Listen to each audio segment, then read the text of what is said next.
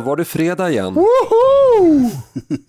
Jag ska förstärka effekten av fredagen. Jag ska nämligen sno eh, en snus av dig. Mm. Men du uppmanade mig att, att eh, sno, Ta två. ta två, men då kommer jag omkomma. Jag Nej, jag vill att du tar två för jag hatar när det blir ojämnt antal i Ja. min, snusdosa. jag, får, jag får nästan kasta den. Jag, kom, jag är totalt Ja, ovan. Du kan lägga den på bordet och så kan du, Jag tar den sen. aha, du, ja, du brukar inte nikotin normalt. Nej, Det här kan bli verkligen kul. inte. Jag, jag får sån här liksom nästan... För eh, lyssnarna kan jag berätta att Erik nu har lagt in en prilla snus av märket Kaliber Plus som är extra stark så att Erik ska bli lite vimsig här. Det kan väl bli kul. Oj, ja, Det är fredag. det, det är liksom som att jag känner så här, jag liksom tappar känseln i benen och så här. Så att det, det ska bli spännande. Ni som orkar lyssna fem minuter till, ni kommer få en effekt här. Ja. Så att, håll er till tåls. Synd att jag inte har eh, tagit med mig en cigarr. Det hade Jag gärna- tror inte att det uppskattas att vi röker i den här studion. Tror du inte det? Nej, Men eh, vi ska inte låta allt för pårökta, utan nu ska vi sansa oss lite grann. Jag heter Erik Dahlin, jag är programledare. Eh, Dick Eriksson från Samtiden är här, välkommen. Hallå, hallå. Linus Bylund från Sverigedemokraterna är här också, välkommen. tack så mycket! Ska vi säga någonting om onsdagens podd? Jag, jag, vill, jag vill nämna att eh, vi gjorde en liten rättelse där i förbifarten. Men den rättelsen vill jag eh, fokusera mer på i det här avsnittet. Bara kanske en, Det är en jätteviktig rättelse. ja, Ja. För jag sa att eh, Tengil eh, var en figur i Mio min Mio, men det är en figur i Bröderna Lejonhjärta. Mm. Men eh, Anders Tegnell, han är, är verklig. Mm. Eh, och han är inte ond, han är god. Mm, det är jag säkert. Sen kanske han, eh, hans eh, framtoning eh, kunde vara mer exakt här och där. Men det är en annan sak. Han avrättar inte människor som säger emot, som Tengil gör. Nej, eh, det ska vi ha sagt. Ja, eh, ville någon annan säga något om onsdagens podd? Nej, det var väl ganska skönt att vi pratade ganska lite om coronaepidemin. Ja, för det, det tänkte vi göra idag istället. Ja, men jag tänker det kan vara skönt med lite andningshål. Ja, Precis. man måste ju värva, blanda lite. Lite skatteräder mot munkar. Ja, och sådär. precis, Ni gjorde precis. lite reklam för, för det avsnittet, eh, för de som inte har lyssnat på det. Eh, Vi, vi går direkt över till corona här. Vi kanske ska börja prata om något annat tobaksrelaterat nu när, när jag har eh, tagit en av mina kanske tre snusar som jag tar på ett år. Mm. Eh, Heter det så? Snusar? Snus. Priser. Pri, ja, priser. Eh, det är nämligen så att rökning är enligt uppgift, enligt Sveriges Radio då, enligt deras, enligt deras rapportering, den viktigaste riskfaktorn vid covid-19. Eh, jag citerar deras hemsida då. Rökning är den största riskfaktorn för att försämras eller dö i covid-19. Det visar en ny kinesisk eh, studie. I studien undersöktes 78 patienter med covid-19 som efter två veckor följdes upp för att se förändringar och identifiera riskfaktorer. Rökare och före detta rökare löpte 14 gånger högre risk för försämring under två veckorsperioden. Det är en ganska liten grupp, Ja, det är måste det man ju. tillägga. Mm. Ja. Det, men det är också väldigt stor eh, över, över eh, risk. Så Alltså, får man sån här signifikant skillnad som 14 gånger, Mm. då, då, då kan man nog räkna att det finns, alltså även om urvalet är litet så, så ja, kan jag, man... jag, men- jag menar ja. det. Det är uppenbart att det är dåligt. Sen om det är exakt 14, det kan, det, det kan ju vara statistiskt. Ja. Nej, och det är ju logiskt eh, med, med tanke på att eh, det- här coronaviruset är ju, går ju väldigt hårt åt lungorna. Ja, och det är väl det folk dör av, eh, Mm, som jag förstår. Lunginflammation. Ja. Ja, nej, men det är väl en eh, viktig lärdom. Kopplat till det kan man ju också nämna att, nu, nu är inte jag insatt i det, men, men det ligger inte jättelångt eh, bort att dra slutsatsen att även eh, luftföroreningar kan påverka en populations möjlighet att överleva på gruppnivå. Ja. Wuhan, hur mycket Jag skit vet i luften inte, har de? är det inte det en industristad? Men jag, jag, det är så här bara, bara poppar upp i huvudet, men jag Ja. vet inte. Det är. Ja, alltså, eh, eh, vad ska jag säga, alla städer i Kina med en befolkning över 10 miljoner lär väl ha någon form av koppling till industri. Man Nu, nu det. kanske, eller, eller tycker ge- genusvetenskap de lever på kanske. Ja, precis. Nej, Däremot men- så vet jag inte, Lombardiet, jag vet inte om det uttalas Lombardiet på svenska, men jag säger det för att vara konsekvent. Lombardiet heter det. Lombardiet kanske. D- där är det ju, förvisso, förvisso är väl ehm, Milano är väl eh, en ganska smutsig stad, men i övrigt så är det ju väldigt, Men italienarna är ju... Förr, de rökte ju som Ja. tusan. ja precis. Italienarna. Ja, exakt. Och det här är ju också före detta rökare. Ja. Mm. Eh, Där kvalar ju jag in i någon mening, så att, men det var ju några år sedan som jag slutade röka. ja, men nu sitter vi två meter från varandra så du behöver inte oroa dig för att smittas av mig. Precis. Men, men i alla fall, eh, det- Tegnell han eh, uttalade sig om det här faktiskt och det var, där kom liksom the turning point för, för honom. Han, nu kom han in i matchen igen. Eh, för att då, då sa han ju det att Sveriges befolkning eh, ligger ju i, i toppskiktet i, inom hälsa i, i världen. Och det här kan faktiskt eh, ha stor betydelse. Ja. Vi har ju ganska lite diabetes, eh, vi har eh, ganska lite fetma och vi var ett pionjärland när det gällde att bekämpa rökning. Vi var också ett pionjärland, vilket är samma sak, när det gällde att eh, omfamna snuset. Ja, Ja. just det. Precis. Det är ju en del orsak till att vi inte har så mycket rökare i det här landet. Men, men nu kan jag säga, jag vill faktiskt ut, utföra en liten varning här för, för snus, nu när jag haft den inne i kanske fyra minuter. Att man tror inte man ska köra bil och snusa. Nej, man ska inte bruka nikotin om man kör bil om man aldrig normalt brukar nikotin, för då blir man lite snurrig i skallen. Ja, Och i ditt fall så förvärrar det ju ett redan allvarligt läge. jag börjar fundera på, man kanske skulle använda, istället för mo- morfinbedövning skulle man ge patienten en snus. Ja, men jag tror inte att det är så så- det är smärtstillande. lite så jag känner just nu. Eh, ja, eh, hade vi något eh, mer att, säga om det där? Men vi, alltså, jag, jag skulle tycka, det jag, det här har jag saknat länge i Sverige, att det, att det ställer, upp, ställer sig upp någon, eh, förslagsvis statsministern, och om inte han är förmögen att göra det, eller hon förresten, kan det vara, eh, att eh, kungen eller, eller en drottning gör det och talar till folket och säger att ni måste ta ert hälsoansvar. Om ni blir arbetslösa då får ni a-kassa, har ni liksom varit arbetslösa länge, det finns socialbidrag, vi tar hand om er. Men det enda ni behöver göra, det är två saker egentligen. Var inte kriminell och ta hand om din hälsa. För att om, om alla människor gjorde det, alltså vi skulle, vi skulle spara tiotals miljarder per år. Det kanske till och med snuddar 100 miljarder strecket för sjukvården. Ja, men absolut. Problemet är bara, eh, det är bra med propåer på det sättet när de är så eh, lösa och luddiga. Men problemet är bara att eh, det där är ju, om, så fort man kommer till lagstiftning och annat så börjar man begränsa människors rätt att ta ansvar själva. Alltså, eh, dra det här till rökning på uteserveringarna debatten. Eh, Man får alltså sitta på en uteservering och hälla i sig etanol. Men man får inte sitta på en uteservering och en gång i månaden ta en, en cigg till sin etanol. Det, det är ju en sån här Nej, men det, det här, principiell eh, fråga om individens frihet. Och jag, problemet med, eh, förutom det som du då sa som jag tycker är faktiskt är ganska vettigt, att man har faktiskt ett ansvar för sin egen hälsa. Det kan man absolut säga, men när man börjar specificera vad det är så blir det väldigt skevt väldigt fort. Till exempel så är det mycket farligare att inte motionera än att röka. Möjligtvis inte under covid-19 då, men i vanliga fall.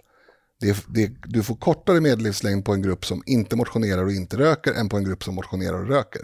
Det är väldigt få som förstår det. Då skulle man kunna inrätta en speciell avdelning inom poliskåren som jagade rökare med blåslampa. Mm, så de både får motion och... Ja, då får de ju motion i alla fall. Även om de röker så får de ju springa lite då och då. Ja, Ja, väldigt bra idé Erik. ja tack. Eh, men men jag, låt mig fråga så här då, Ja, Linus. får, jag, får jag bara... Ja, men nu ska jag fråga, Ja. för, ja, för nu, nu sa du något, något som var potentiellt sett väldigt dumt eh, ur aspekten ogenomtänkt. Tror att det skulle göra någon skillnad för atmosfären i det här rummet utan ventilation om jag istället för att ha tagit en snus hade börjat bolma? Eh, väldigt stor skillnad och Ja. därför jag också välkomnar att man inte får röka inomhus. Ja, och på uteserveringar om det, luften står stilla och så. Ingen Eller, eller att det till och med blåser i riktningen från bordet där de röker till över till ditt bord. Ja, så är det åtminstone en piss i Nilen jämfört med inomhusrökning. Jo, men det, det och, kommer och, ändå... antagli, och antagligen eh, ganska irrelevant sett till andra föroreningar i luften på uteserveringar. Som ofta är vid trafikerade gator och så vidare. Men det, det, är en annan diskussion. Jag menar bara att det blir lätt att det blir fel. Till exempel, fettskatt har folk pratat om. Men då har man ju noll koll på näringslära överhuvudtaget. För det är inte fett som är problem, problemet i västvärlden. Det är inte en slump att amerikaner är feta. Det är inte för att de har fett i sin mat, det är för att de har socker i sin mat. Men nu, nu kommer vi in på teknikaliteter. Alltså jag, jag tänker Nej, men mer... min poäng är bara mm. att när man kommer med detaljerade propåer eller lag men det har jag inte sagt vad man ska stiftningar, då blir det problem. Nej, det har jag inte sagt att du har sagt heller. Mm. Jag spolar tillbaka och lyssnar att jag inte har sagt det. Alltså dina dumma uttalanden kan po få potentiellt negativa hälsoeffekter. Mm. Jag tror du är lite från dina sinnesbruk nu med tanke på din... Ja, nu, nu måste jag spotta ut den här eh, snusen. Eh, som sagt utfärda en, en, stor varning. Börja aldrig med det här. Han blir helt dimmig i bollen. Mm. Eh, men nu är, nu är i alla fall fredagsfeelingen inne. Eh, ska, vi, ska vi byta miniämne? Vi var inne på restauranger. Eh, hur ska man rädda besöksnäringen och restaurangnäringen med flera näringar? Eh, genom att hota eh, folk, att, eller alltså tvinga dem tillbaka till krogen genom hot? Eller hur ska det, det intressanta nu är väl att eh, det är inte någon myndighetsbeslut som gör att det är tomt på restaurangerna, utan det är människors egna initiativ. Det var precis det min poäng var, precis. Och det är ju, mm. ja, jag kan, jag kan tycka så här att det är bra om vi just nu, eh, under en kortare tid, är tio gånger mer försiktiga än vad som är rimligt att vara. Och därför så respekterar jag om man inte vill gå ut på restaurang. Jag gör inte det heller. Jag har däremot köpt hem mat från restaurang några gånger sista, sista perioden här. Eh, också lokalt för att jag vill, jag vill ha kvar min pizzeria vid, vid mig, eh, även om jag inte använder den så ofta. Eh, men jag tror att jag tror att det är svårt alltså, överhuvudtaget att styra det där. Eller vad, vad tänker du? Jo, men det är precis det. Och Dick, Nej, men jag, jag menar också att det, det är bäst att det är frivilligt. Så att säga. Jag har gått på restaurang varje dag skulle jag säga de två senaste veckorna. För att det, det är skönt att slippa laga mat själv mm. och träffa andra också. Men det, men det har ju varit bra på det viset att det har inte varit så många som har varit på de här restaurangerna utan man har ju ofta kunnat sitta med ett bord emellan eh, andra gäster som eh, man inte har någonting med att göra så att säga. Så att det, det har ju varit eh, den här skydds eh,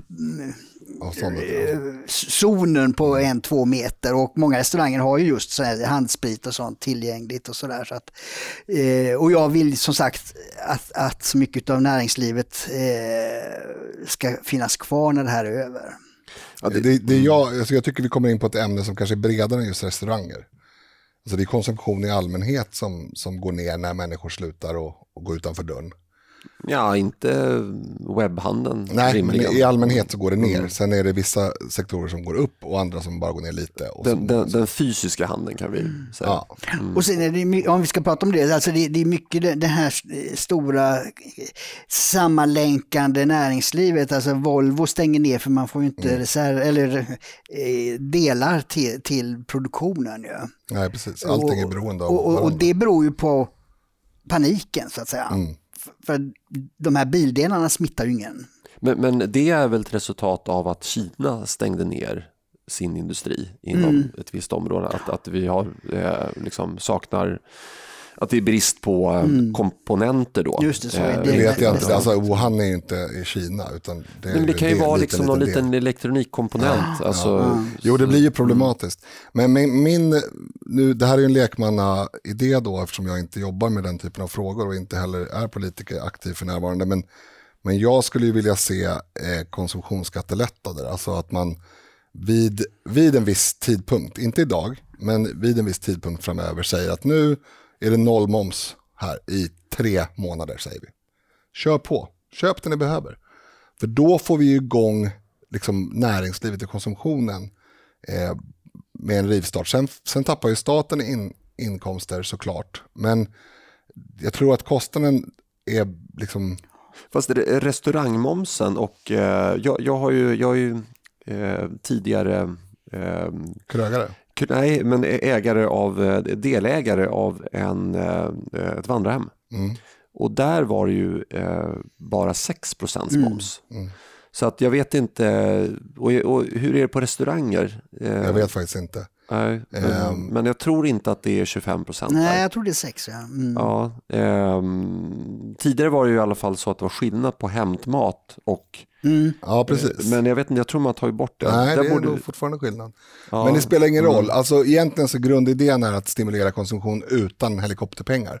Helikopterpengar har ju nämnts då som en, som en tänkbar åtgärd, det vill säga att alla får en peng. Och det vet jag fanken om jag tror på eh, överhuvudtaget. Utan jag tror att det är bättre att stimulera den normala konsumtionen. Mm. För, att få, för det, det stimulerar de strukturer som redan finns eh, i, i, i form av företag av olika slag, av, av alla slag. Men alltså det, det, det man vill nu egentligen, om, om, man, om man tittar på det här rent teoretiskt, om ingen människa eller, eller, eller vi tar ett hushåll eh, skulle träffa andra hushåll eller människor på 30 dagar. Mm. I, om, vi, gör- om vi skulle göra det i hela världen, då skulle den här smittan vara borta. Mm. Så, så det, det man vill ha här det är liksom en, en snabb isolering. Och sen efter det vill man ju att allting ska gå tillbaka till det normala. Då vill man ha en rivstart direkt. Men det, Mm. det är en problem här och jag tycker inte det har diskuterats eh, eh, tillräckligt det här med epidemiologi.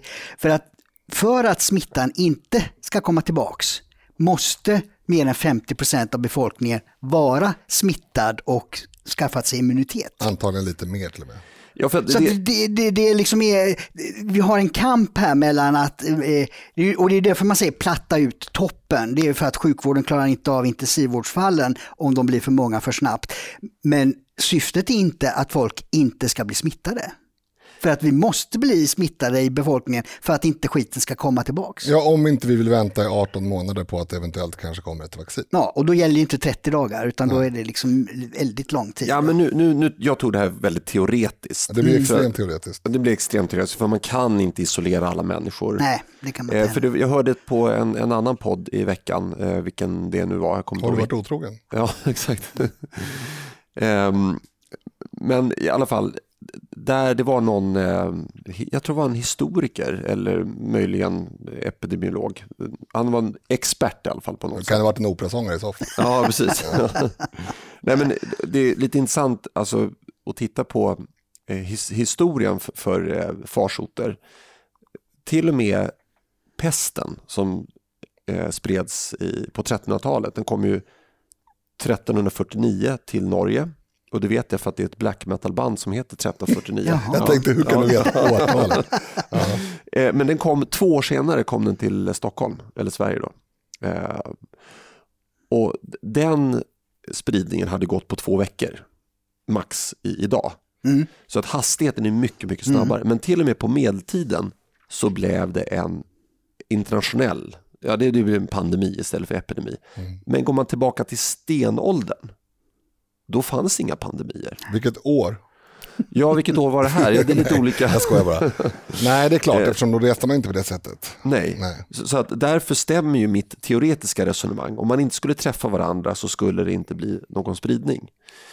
Eh, men, men det går ju inte idag. Det är Nej. omöjligt. Och, och därför så får man ju så att säga försöka eh, plana ut kurvan. Fast det- Dick har ju rätt, alltså, man, man måste ju uppnå en, en flockimmunitet. Och det är ju, det är ju, alltså, det där ordet har ju blivit lite misstolkat och felciterat och sådär sista tiden. Eh, Folk tror att flockimmunitet är en politisk metod eller något sånt där. Men det är ju det, är ju det som oundvikligen kommer. Mm. Antingen genom att tillräckligt många blir smittade och tillfrisknar eller genom vaccin. Eh, och, och sen så finns det då människor som argumenterar mot det här genom att säga att flockimmunitet går inte att uppnå för vi vet inte hur lång immuniteten är. Och nej, det, det stämmer. Alltså, det finns tecken som tyder på att immuniteten mot corona är svagare och kanske kortare än många andra virus, eh, eller influensavirus. Men, men det spelar egentligen ingen så, inte så stor roll för att alla är överens om att det håller något år eller två. Och då kommer, då kommer alltså om alla blir immuna och sen börjar folk bli icke-immuna, då är det ju så få som blir det först. Mm. Så att den här flockimmuniteten ändå håller sig stabil. Sen blir några av dem sjuka och, och får immunitet igen och så vidare. Och så vidare. Ehm, så att vi kommer att ha flockimmunitet i världen om några år. Sen mm. hur vi hanterar det och hur vi kommer dit, det, det, är en fråga som jag inte vågar svara på. Av den enkla anledningen att jag vare sig operasångare eller epidemiolog. Nej, precis. Eh, men, men jag, en, en, annan aspekt som är väldigt viktig i sammanhanget det är ju att veta vem som faktiskt är bärare av coronaviruset och vem som inte är det. Alltså om man teoretiskt då igen skulle kunna tänka sig att, att man, man köper, varje hushåll köper hundra stycken coronatest som man bara kan liksom lägga på tungan och få svar på på tio sekunder om man bär på viruset eller inte. Mm. Det skulle vara väldigt lätt då, ja, bär man på viruset, ja men då är man ju hemma. Mm. Bär man inte på viruset, ja men då kan man ju gå på restaurang. Men även, precis, och det kommer ju, vi, vi, jag har sett spekulationer på att det ska komma ganska snart, men det vågar inte jag lita på fullt ut. Men även ett test om man har antikroppar. Alltså så du kan testa om du har haft corona. För det, ja. det kommer mm. vara otroligt många svenskar om några månader som har haft corona fast de knappt ens vet om det. Mm. Precis, det är, det är ju det som är det viktiga, att, ja. att, att, kunna snarare kolla om man redan är immun så att säga för, mm. för det här eländet. Eh, och det, det läser jag också om att det, det är ju på gång nu. Eh, och, och det, det, skulle ju underlätta väldigt. Eh, och Folkhälsom, Folkhälsomyndigheten ska ju nu börja gå ut och göra de här stick, stickproven som man säger. Mm. Det låter inte så seriöst men det är ju så. Har de inte börjat med det? Eh, ja det har de gjort kanske. Ja. Det är ju som en opinionsmätning. Ja, det är, att man kollar alltså, det är ett liksom smart sätt att, att, hantera ja. läget på när man har brist på tester. Ja, precis. Att, att få en överblicksbild av, om vi testar 10 000 personer, mm. hur många av dem hade faktiskt corona. Mm. Sen blir det ju, alltså för att motsäga det lite grann så blir det ju lite trubbigt när det visar sig att det är vissa delar av populationen mm. som har corona och vissa har inte. Till exempel vi har en ort i Sörmland som heter Högsjö där det är tre personer som har dött nu och väldigt många som har corona antagligen. Eh, medan en annan ort kanske några mil bort inte har något fall och då mm. blir det lätt att det blir statistisk skevhet ja. i, i eh, den här typen av stickprover. Och samma sak med, vi har också en, en eh, punkt vi ska ta upp sen också med den här, den här somaliska gruppen det, blir, det är också svårt att kolla med stickprover. Alltså om det är en väldigt koncentrerad grupp som, där väldigt många har corona eh, så betyder det att om man har ett stickprov som råkar träffa den gruppen då blir det skevt. Och om man har ett stickprov som inte råkar träffa den gruppen så är det också skevt. Ja, men där, där måste ju statistikerna tänka till lite grann. Ja. Hur, hur, gör vi ett, mm. ett uh, urval här som mm. är liksom statistiskt um, slumpmässigt på bästa sätt. Men eh, jag, jag, tror att faktiskt eh, våra lyssnare förväntar sig av oss att vi ska komma med en lösning på det här. För att mm. vi tre består ju, alltså, av, av de smartaste, smartaste i samhället så vi, tillhör vi tre, liksom, vi är toppen på pyramiden här. Och så att, så ja, det, får, det får stå för dig. Ja, precis.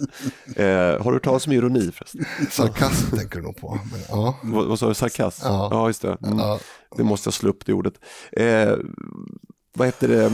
hur ska, hur ska regeringen hantera det kommunikationsmässigt? Så om, om, man nu, om man nu verkligen vill rädda restaurangnäringen. Du själv går ju på restaurang en gång i veckan, men skulle regeringen verkligen vilja att vi gjorde det? Ja, i och med att man inte har gjort några restriktioner om det så, så eh, har man ju ingenting emot det. Utan det är det här allmänna rådet då att, att, att bete sig försiktigt. Eh, nej, men jag såg den här eh, eh prognosen som eh, Folkhälsomyndigheten presenterade i måndags. Eh, och där gjorde man det region för region. Och där, visade det att toppen för, eh, om man tittade på Stockholm då som vi befinner oss i här och där det sker mest så att säga när det gäller den delen, så, så skulle toppen enligt den prognosen komma 80 dagar efter dag noll. Och då är frågan när det är dag noll. Ja, det, jag eh, försökte se att det var när det var 10 fall och det skulle mm. vara den fjärde eller femte mars. Och dag 80 är då slutet av maj skulle den största toppen. Och då skulle det behövas 200, eh, då skulle 250 personer vara så sjuka att de behöver intensivvård. Och så många platser finns ju inte idag. I Stockholm? Nej, nej i Stock, just i, precis. Nu tar jag Stockholmsregionen här. Eh, nu försöker man ju etablera fältsjukhus och annat för, för att eh, klara, klara det då.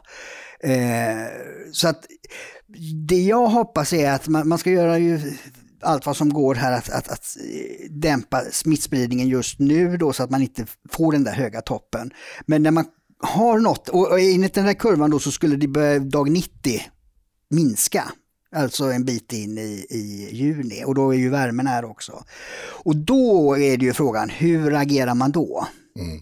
Då kan man börja planera för fortsättningen och då är ju paniken över också om det inte har gått väldigt fel att det är 500 personer istället för de här. Utan kanske till och med, vissa vill ju hävda att det planar ut lite lägre än prognoserna och då skulle det kunna vara mindre än 250 i Stockholm.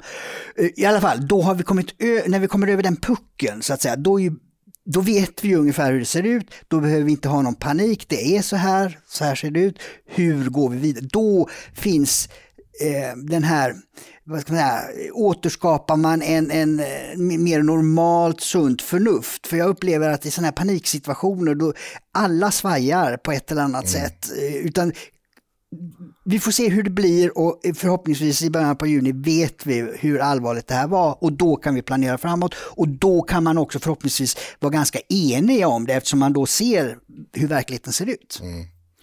Eh, det finns ju ljuspunkter kopplade till det också som, som gör att de här siffrorna kan ändras. Inte antalet smittade nödvändigtvis, men, men antalet intensivvårdsplatser. Jag såg att det var någon industri som hade ställt om, jag kommer faktiskt inte ihåg vad de hade tillverkat tidigare, men nu tillverkar de respiratorer. Mm. Eh, och jag, menar, jag vet inte hur lång tid det kan ta att bygga en respirator, men eh, mycket mer än en dag eller två tar det väl inte. Och då tycker jag att man borde kunna spotta ur sig ganska många på ganska kort tid. Men de behöver ju komponenterna. Var, var, var, var, var det inte Scania-anställda som hade Scania. tillfälligt börjat jobba för Getinge?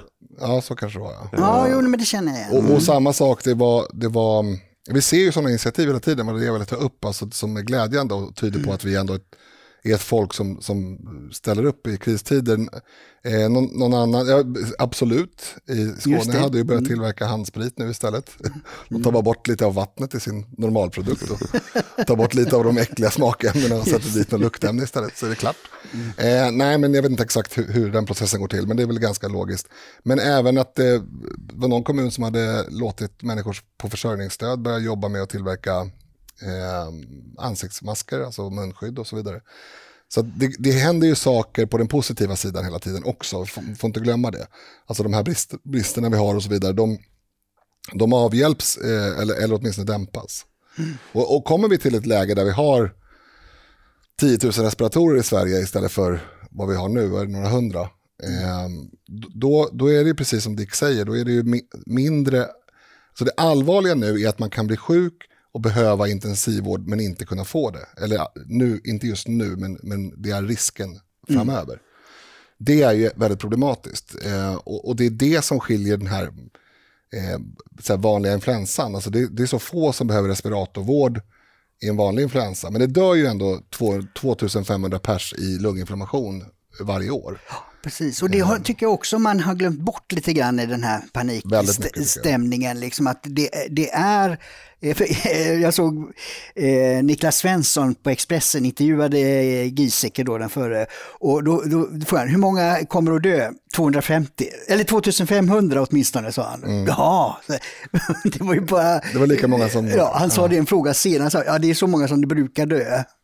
Eller mm. kan dö, mm. en del år är det ju mindre än så. Jo, alltså man får skilja på influensan ett vanligt år och totala antalet lunginflammationer. Mm. För lunginflammationer kan ju vara bakteriella också och bero på mm. helt andra saker. Det finns till och med kemiska lunginflammationer om man andas in vissa saker och sådär. Men, men, eller kemiskt inducerade heter de väl tror jag. Men, men eh, totalen brukar landa på ungefär 2500 dödsfall på, i lunginflammation per år. Oavsett om det är orsakat av ett influensavirus eller en pneumokock eller något annat. Um, så att, så att eh, än så länge har vi inte kommit upp i några siffror som... Nej, men sen sneglar man ju på Italien. Ja. Där är liksom uppemot 800 dödsfall per dag. Jo, de är väldigt många fler dock. Ja, väl, vi är 10 miljoner i Sverige. Mm. Hur många är de i Lom Lombardiet? Ingen aning. Nej. Men, men jag, jag, tror att vi, vi, vi har ju ungefär 2000 lyssnare per avsnitt och jag gissar att i alla fall några av dem eh, har påverkats av det här genom att man kanske är anställd i, inom besöksnäring eller, eller restauranger. Vil ja, eller att man känner någon som har blivit sjuk. Ja, precis. Det jo, det också. Jo, men nu är vi på punkten här vad, vad man ska göra. För att, eh, det är många restauranger som tar färre än 500 gäster. Och, och, det är just där gränsen går. Där har man ju förbjudit. Har man en restaurang som tar 600 gäster då är, har de infört en särskild lag vad jag förstår. Att den där skulle de kunna gå in med polisen och stänga ner. Ja, Och om de in, tar in mer än 499 Ja, gäster. precis, Så att- exakt. Så, Då- det är bara att hålla några bord, ja, se till att borden, att man använder vartannat bord. Ja. Ja, eh, men, men det finns ingenting i lagen som säger att man inte får ha en restaurang öppen. Men jag tror också sådana här råd som man har gått ut med och förmaningar. Till exempel att är du minsta lilla krasslig, då ska du stanna hemma. Mm. Och det här har ju till exempel fått till följd att eh, mitt lokala systembolag, de har ändrat sina öppettider därför att de har brist på personal. Och rimligen är det inte... Mycket eller? Nej, det, jag tror att de öppnar två timmar senare. Ja, men det är hela 12. landet. Ja, det är hela landet. Ja. Okej. Men det, Så det, jag har ju varit alldeles skakig där vid tolv. Ja, Jag skrev tidigare i veckan eh, på, på, eh, på samtiden att eh, i Göteborg så är var femte brandman sjukskriven. Mm. Så där är det, får du ju andra effekter då, ju, att man inte, men fördröjning på utryckning och vissa utryckningar går man inte ut på. Nej, men den, det är väl också en försiktighetsåtgärd för de, är väl rimligen, de flesta är väl rimligen sjukskrivna av den anledningen att de har någon typ av infektion och därför tar det säkra för det osäkra. ja, och jag menar om, om hela samhället gör det, eh, då, då blir det ju, det kommer ju påverka restaurangerna. Mm. Eh, och, och om man dessutom har andra råd, nu vet jag har- kan inte mig innan till men, men det är väl så att man inte ska eh, ha för mycket kontaktyta med andra människor och så. Vil- Vilket ansvar har man? Jag, jag kan tycka så här att lagstiftarna har ett ansvar mot till exempel eh, mässhallar och sådär. Att men går man ut med, med en lag som säger att vi för, i princip vi förbjuder er verksamhet då kan jag tycka att det finns ett ansvar också att ekonomiskt ersätta den verksamheten. Mm. Men det, kommer ser- ju, det kommer ju komma sådana paket för, för väldigt stora delar av näringslivet tror jag. Ja, och, men vad har man för ansvar när, när det liksom drabbar en otroligt många verksamheter men där det inte finns någon specifik lag som, säger, som förbjuder verksamheten? Mm, nej, det. Allt det här blir ju särfall, alltså det, det är ju väldigt intressant. Eh, Jag vet att jag, fick, jag skulle ju på bröllopsresa här nu för, ja, idag en knapp vecka sedan.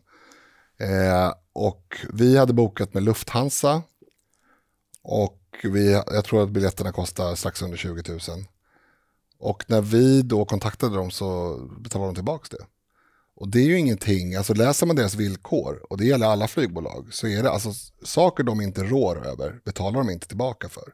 De betalar tillbaka om deras plan är trasigt och, eller de har sjabblat på något sätt. Men i normalfallet betalar de inte tillbaka om till exempel Eyjafjallajökull har utbrott och de inte kan flyga över Island, som hände för några år sedan. Eh, det betalar de inte tillbaka därför att det är en högre makt som de inte eh, rår över. Eh, men nu valde de att betala tillbaka ändå. Och det är jättestor skillnad mellan olika flygbolag hur de gör. Min mamma hade en, en annan resa bokad till Texas också faktiskt. Eh, som hon, då får hon tillbaka en voucher från... Hon skulle inte med på er smekmånad? Nej, hon skulle inte med på smekmånader. Hon skulle dit senare och kolla att vi hade skött oss. eh, nej, men eh, det är för att min syster bor där. Eh, men eh, vad jag skulle komma till var att det, det är väldigt ol- olika och allting tyder ju, allting är ju så att säga produkter av att vi är i ett läge som vi aldrig har varit i tidigare. Ja, Det är, det är också intressant om man får se en, en lite cynisk men ändå så här nyfiken aspekt på det hela. Att man, man kan ju studera massa saker ur ett väldigt extremt, eh, i ett väldigt extremt tillstånd. Ja, nu, nu blev den här punkten väldigt lång, men jag, jag tycker den här är väldigt, väldigt intressant och jag, jag har inte hört så många analyser på den. Eh, för, och när man, många har ju sig pratat om de här 500 miljarderna som Riksbanken nu ska tillföra. Hur mycket hjälper det eh, pizzerian på hörnet, den eh, ja, taxichauffören som eh, har sin enskilda firma. De här pengarna kommer ju aldrig komma ut till de här näringsidkarna. Vi behö- alltså vad vi behöver, eh, det är ju en, en nationell samling i liksom, hur hanterar vi det här. Och där tycker jag att regeringen eh, lämnar övrigt att önska.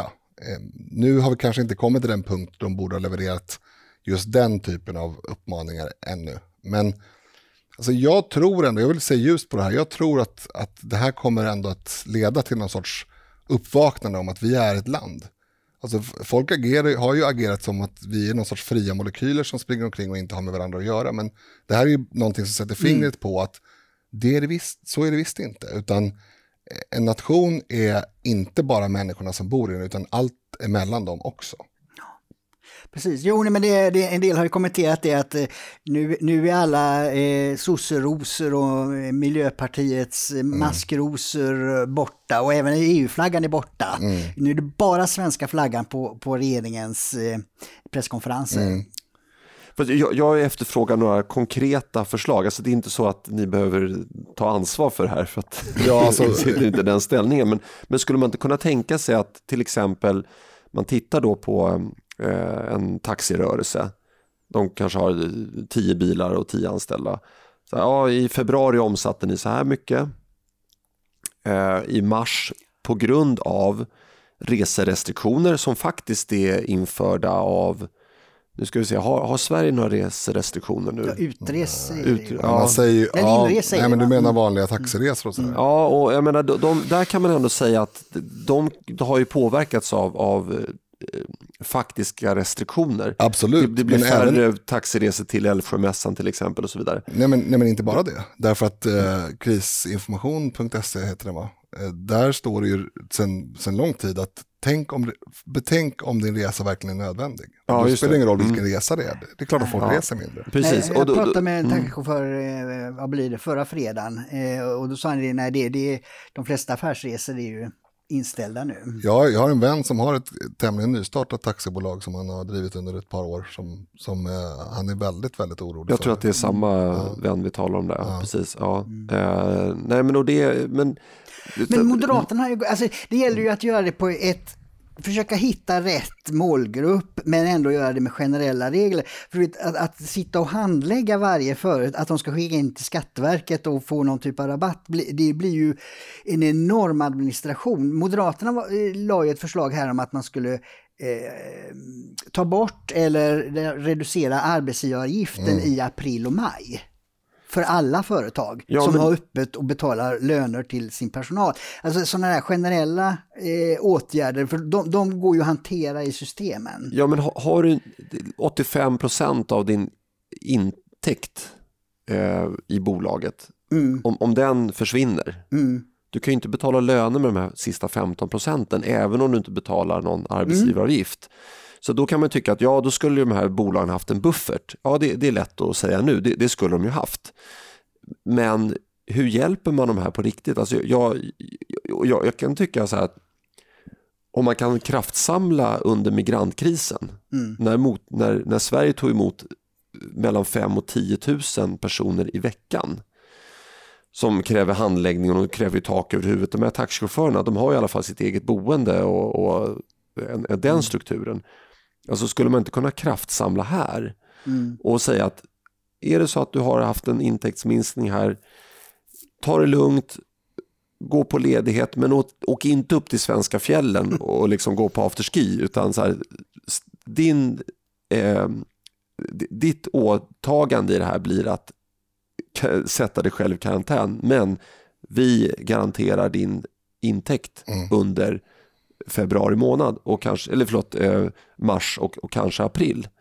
Det, det, blir enorma pengar, ja. men, men, men konsekvenserna av det här, mm. alltså det är ju dödgrävarstämning får jag bara på säga, riktigt. Nej, jo, det får du. det, som är, det som är viktigt att tänka på här, det är att så Sverigedemokraterna gick ut med ett, ett paket den 12 mars. Det var alltså inte särskilt nyligen. Men jag vet ju att det finns ytterligare idéer om paket, men, men det är som olika vågor. Det ena, det ena paketet, om jag bara nämner några, några saker, så handlar det om att slopa karensavdraget, eh, staten övertar ansvaret för sjuklönerna, det är också en sån här grej som... Ja, det gjorde väl regeringen sen. Ja, mm. eh, höjt tak i a-kassan, eh, stärkt anslag till sjukvården eh, och så vidare. Det är ju sånt som behövs nu, nu, nu.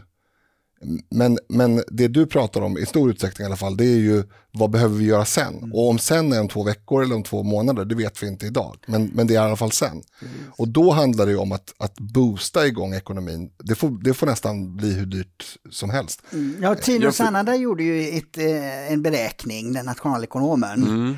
Och, och eh, han menar det, i, i och med att den svenska statsskulden är ju nu nere på 38 procent av eh, BNP så, så, skulle man kunna eh, fördubbla den. Alltså det blir ju många hundra miljarder, eller flera hundra ska jag säga, ja. miljarder som man då skulle kunna använda just i de syftena. Men, men det viktiga är ju här att det ska hamna rätt, det ska inte hamna hos de som inte behöver det. Men det får inte heller bli att Skatteverket eller någon som ska administrera det här måste ha tusen nya anställda byråkrater. Så det, det, det är ju väldigt eh, delikat uppgift att hitta, hitta sätt att eh, få ut de pengarna. Ja, för det, det kanske finns någon taxichaufför som har hittat någon nisch som faktiskt fortfarande mm, ja. överlever och då är det orättvist om, om den taxichauffören mm. inte ska få eh, tillgång till de här eh, medlen som mm. deras mindre lyckligt eh, lottade. Eller, eh, det, ja. det, som var fördelen i, i förra finanskrisen det var ju just det att eh, Alliansen hade ju redan gått till val på att man skulle ha ett jobbskatteavdrag. Och man genomförde ju flera stycken sådana. Och det visade sig att det var ju ett väldigt bra sätt att stimulera den inhemska konsumtionen under lågkonjunkturen. Och det gjorde ju att Sverige klarade sig mycket bättre genom den än de flesta andra länder. Jag tänkte glädjande för, för Erik som är väldigt orolig för det här med ekonomin att, att eh, åtminstone Sverigedemokraterna har ju eh, verkligen gått ut hårt här nu i morse med, med eh, exceptionella åtgärder för att rädda företag och, och eh, jobb. Eh, och det är egentligen, det är egentligen, det här är kopplat bara till ekonomin. Eh, alltså de, de, tidigare åtgärderna som har presenterats har ju också haft med smittspridning och så vidare att göra. Eh, men det är två olika saker, eller det kan behandlas som två olika saker utan att det blir konstigt i alla fall. Eh, och, och, ja, jag kan inte läsa allt naturligtvis i, i sändning så här, men, men hans överskrift är the sky is the limit. Så det, det, handlar ju om att trycka in så otroligt mycket resurser så att det nästan är för mycket för att få igång eh, få, få igång det hela. Ja, men alltså för, för alternativet, om vi tar taxibranschen, vill vi verkligen ha 50 000 taxibilar på Blocket om en månad. Mm. Nej precis, det, det, är ju det som är lärdomen. För jag fick frågan det, varför ska man eh, betala ut så mycket pengar eh, i en sån här situation. Och det, det är ju, lärdomen är ju från börsklassen 29 mm. och 30-talet att när man inte gick in med någonting då fick du ju hela tiden en utförsbacke. Depressionen blir djupare och djupare och djupare. Och det var därför man under finanskrisen, framförallt i USA, gick in med väldigt stora belopp i, i finanssektorn för att rädda den, även om det var de som hade orsakat krisen. Så de som var skurkar fick betalt för det så att säga. Men det var ju för att rädda blodomloppet sa man med, med, med, med eh, eh de finansiella instrumenten. Och, och det, det, är liksom så man måste tänka att det är just det, det är, det är en, ekonomin är en komplicerad och stor mekanism och, och, och gör man inte insatser för att hålla det igång då, får det än, då blir det ännu mer hårdare svält. Eh, jag vill också säga då till lyssnarna och eh, även till dig Erik, eh, när det gäller det här uttalandet från Jimmy idag, tisdag ska vi säga till lyssnarna, eh, så, så, kan vi dela det på, på, parti, eller på poddens eh, Facebook. Hur, hur, mycket betalar Sverigedemokraterna för det? Eh, det får du ringa Jimmy om, du har ju kontakt med honom. Så ja, om du det... behöver en slant för ditt uppehälle så så tror jag han kan bidra med. Ja, nu skulle aldrig drömma om att ta det här, in det här i privat ficka utan det... nej, nej, men det, eh. som sagt jag håller inte i de trådarna. Samtidigt. Eh, men, men, också, eh, nu blir det lite prekärt här för jag råkar veta att det händer en sak på onsdagen från partiets håll. Eh, som är intressant. Men utifrån sändningen då i förrgår eller? Ja, ja, precis. I förrgår för den som lyssnar på det här. Så här blir det ju ibland när man har aktuella frågor och, och spelar in i förväg. Mm. Kan det vara det här att man eh, ger ett särskilt stöd till pizzerier som vill gå över till husmanskost? Jo, det, det, är en väldig kraftsamling nu och det är nästan så att eh, Stefan Löfven kommer ut som smygpatriot här. Eh, men eh, jag tänker lite grann att varför har man inte den här retoriken när vi inte befinner oss i kris? Alltså det är väl lika viktigt att samhället fungerar bra när hjulen snurrar på och, mm. och allting är frid och fröjd. Eller, eller vad säger du Dick? Ja, du menar eh, bristerna som är i den vanliga vardagen så att säga? Ja, men alltså varför alltså det verkar som att man flummar ut liksom. När allting går bra, ja det går så bra. Men Ja, vi, ja. vi, vi gör så här, vi säljer alla fältsjukhus Ja. Och så, så köper vi in lite eh, genus eh, certifieringar här istället Just det, för... Ja, Myndigheten för skydd och beredskap har ägnat stor kraft åt just eh, genus i kris och så. Ja. ja. Och, och, eh, och jag tror en, en sak som är lite relaterat till det här, det det är ju att eh, förut så fick man som bolag eh, samla på sig en mycket högre eh, obeskattad reserv. Så att om, man till, om, om ett bolag till exempel gjorde en vinst på 5 miljoner så kunde man deklarera och säga men tre av de här miljonerna säga, det, det ska vi inte skatta för utan det lägger vi i en, i en buffert för sämre tider. Ja. Eh, men nu, man har ju det fortfarande obeskattade reserver då, men det, det är mycket, mycket mindre. Ja.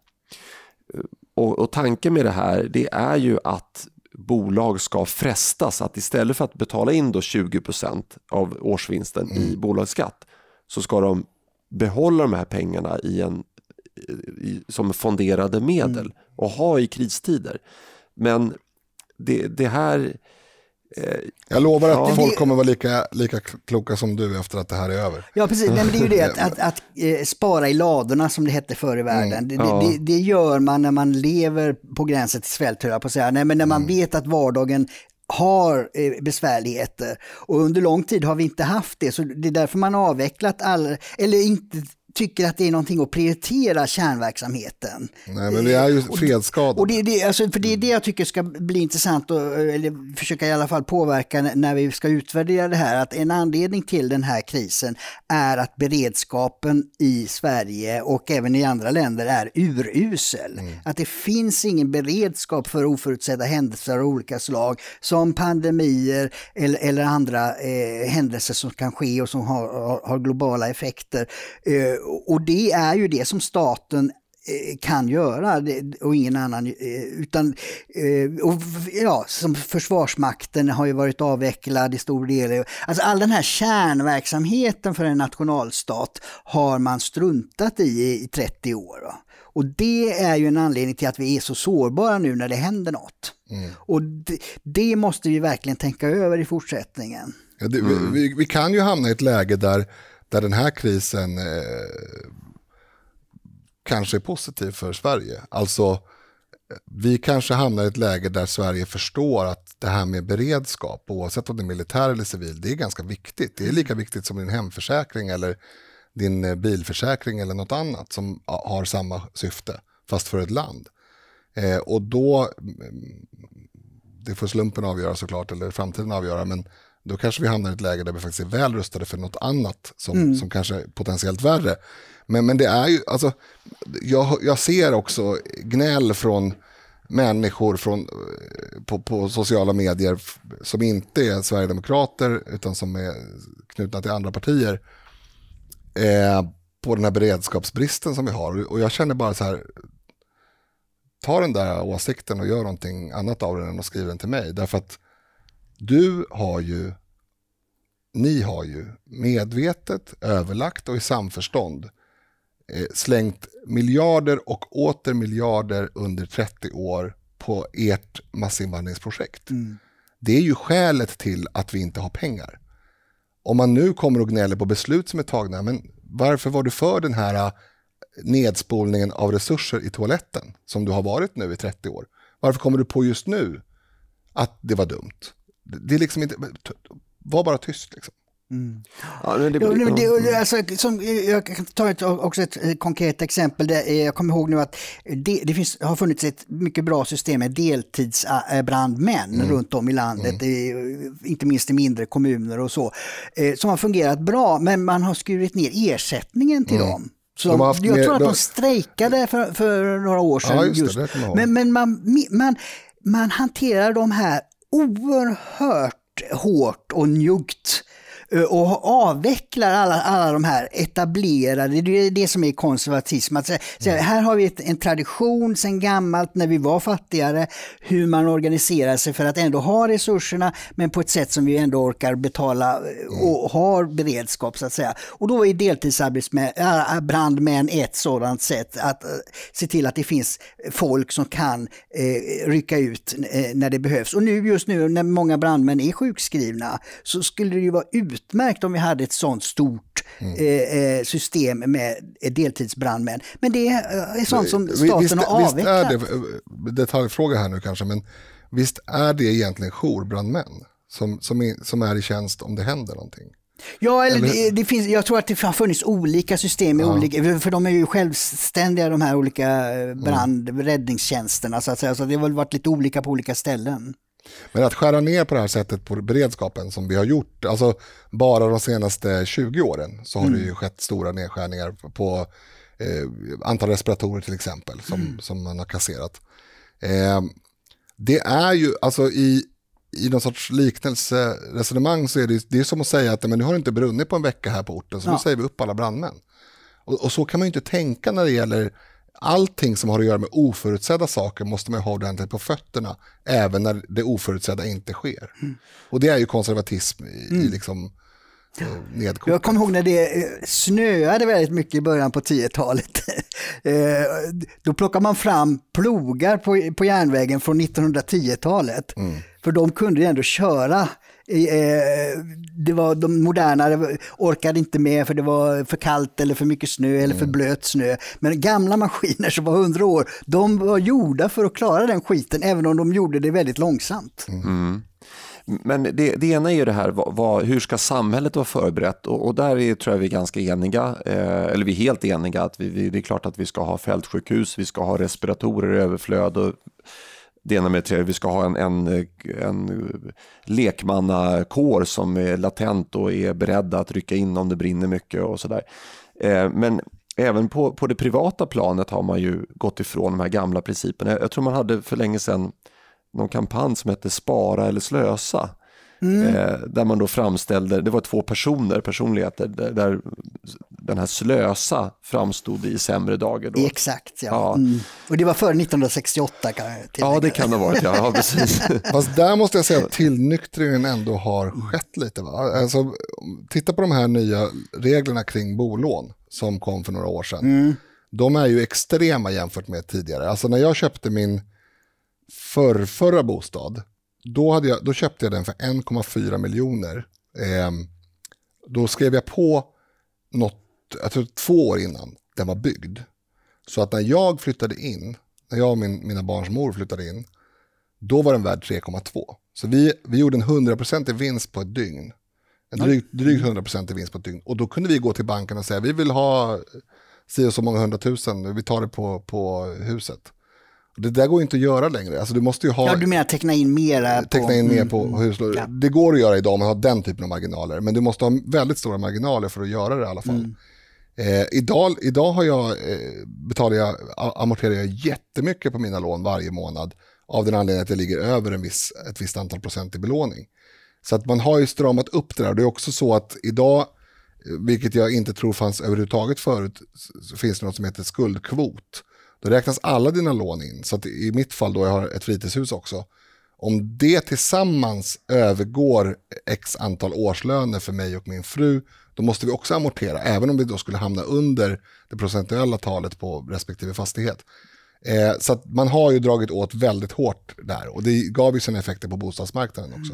Ja, men det där, det där ramverket har ju kommit till efter finanskrisen mm. som, som kanske inte då drabbade enskilda hushåll eh, i, i första hand utan det var ju mer eh, banker och så. Ja, i Sverige i alla fall. Det drabbade väldigt många enskilda hushåll i USA. Ja, mm. jo, jo, jo, absolut. Så att, men, men eh, vad har man infört för de som bor i hyresrätt till exempel? Eh, och, och jag tycker att det, det finns ett det här kvartalsekonomitänket, mm. det är ju inte bara börsen som man har det tänket, utan det är även från, från eh, statsmakten. Eh, men tänk om de skulle gå ut och säga så här, avstå nu från, låt säga, en fjärdedel av dina restaurangbesök varje månad och lägg de pengarna på ett sparkonto istället. Mm. Avstå från varannan utlandsresa, mm. eh, alltså nöjesresa, lägg dem på ett sparkonto till dess att du har jobbat upp en buffert på en årslön till mm. exempel. Men man gör ju inte det för att det, man vet att det skulle drabba BNP-tillväxten. Mm. Och det skulle potentiellt sett kunna inverka på eh, möjligheten att eh, få regera ytterligare en fyra mm. årsperiod. Jag, jag, är, jag, jag, tror att det ligger en, en hel del i det där. Men nu i de här tiderna skulle det vara så att alla privatpersoner och småföretag hade en, en gedigen buffert, då skulle det inte vara eh, domedagsscenarier eh, nu. Alltså nu, det, mm. det reservationen måste göra där är, är, globaliseringen. För den måste vi också diskutera hur vi ska eh, göra oss eh, oberoende av att andra missköter sig. Mm. Eh, mm. Det är ett nytt fenomen och det har de här som är så för globaliseringen aldrig brytt sig om att det finns negativa sidor. Alltså den här skiten nu med viruset, det är ju för att kineser har en extremt dålig djurhållning. Mm. Uh, har, har lett till allt det här vi är. Det är nu får Trump kritik för att han, han, säger, han, han säger att det är China virus. Mm. China virus. Och, och, och, och, journalister hävdar att det är rasistiskt. Och då säger han, men viruset kommer ju från Kina. Mm. Eh, och det kan ju ingen förneka. och eh, även sådana här då finansiella kriser eh, kan ju också sprida sig som finanskrisen visar över gränserna.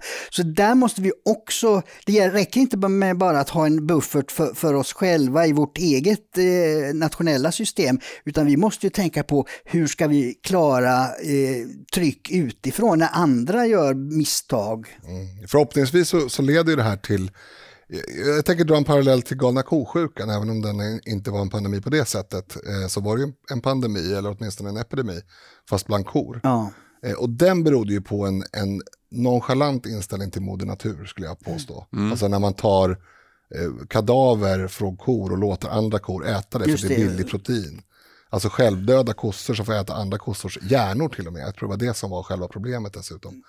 Och det gjorde ju väldigt snabbt att, att hela köttproduktionen i åtminstone den inom citationstecken civiliserade delen av världen slutade med det där. Alltså man, man ger inte kor kor. Eh, inte ens covid-19. Men det var väl... Eh, nej, men, men skämt åsido, det är också en sån här...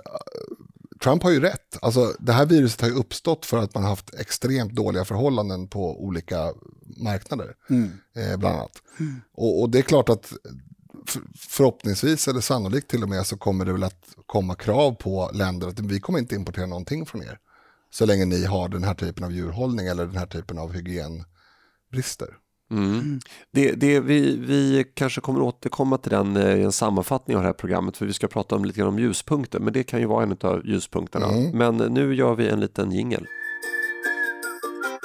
Minst 6 av 15 döda i Stockholm är av somaliskt ursprung. Dick, du skrev om det här på samtiden va? Ja, precis. Mm. Det, det, var somaliska läkarföreningen som slog larm om detta och, och eh, eh då, då uppstod dels diskussion hur, hur, det, hur det kunde ske och där finns det ju många olika teorier och, och eh, eh, det återstår väl att, att se, men det, det, uppstår också den här som alltid irriterar mig, vi har inte fått någon information eh, har någon eh, imam sagt. Och ofta när någon säger det, i min erfarenhet både i eh, föreningsliv och i politik och så, är ju ofta att nej, jo, man har fått information men man har inte läst den eller tagit in den. Eh, och, då uppstår det här kravet, ska, ska eh, Folkhälsomyndigheten eh, rapportera på 20 olika språk eh, när, när de har något budskap jag tycker inte det. Vi är i Sverige och här, här gäller eh, kommunikationen på svenska. Sen får andra, eh, om, om eh, de vill prata på andra språk, ta till sig den informationen och sprida den.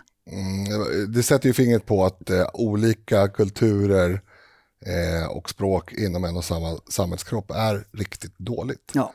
Eh, att det är en mycket, mycket dålig grund för ett sunt samhälle och det är någonting som det är nästan fånigt att jag säger för jag är sverigedemokrat. Och, och samtidigt när det gäller eh, somalier, också, det är ju det att i Sverige har vi ofta hög tilltro till, till myndigheter, mm. men just de som kommer från Somalia är väl de som har allra lägst Av, av i och för sig försvarliga skäl. Ja, ja, eftersom det i Somalia är, är ju en fail state som ja. man säger. Det, det, finns ingen stat utan det är krigsherrar som, som mm. styr. Så att, även om man skulle informera allra mest på deras eh, eh, hemspråk så, och det kommer från Folkhälsomyndigheten så skulle de kanske inte lyssna på det eftersom det är staten.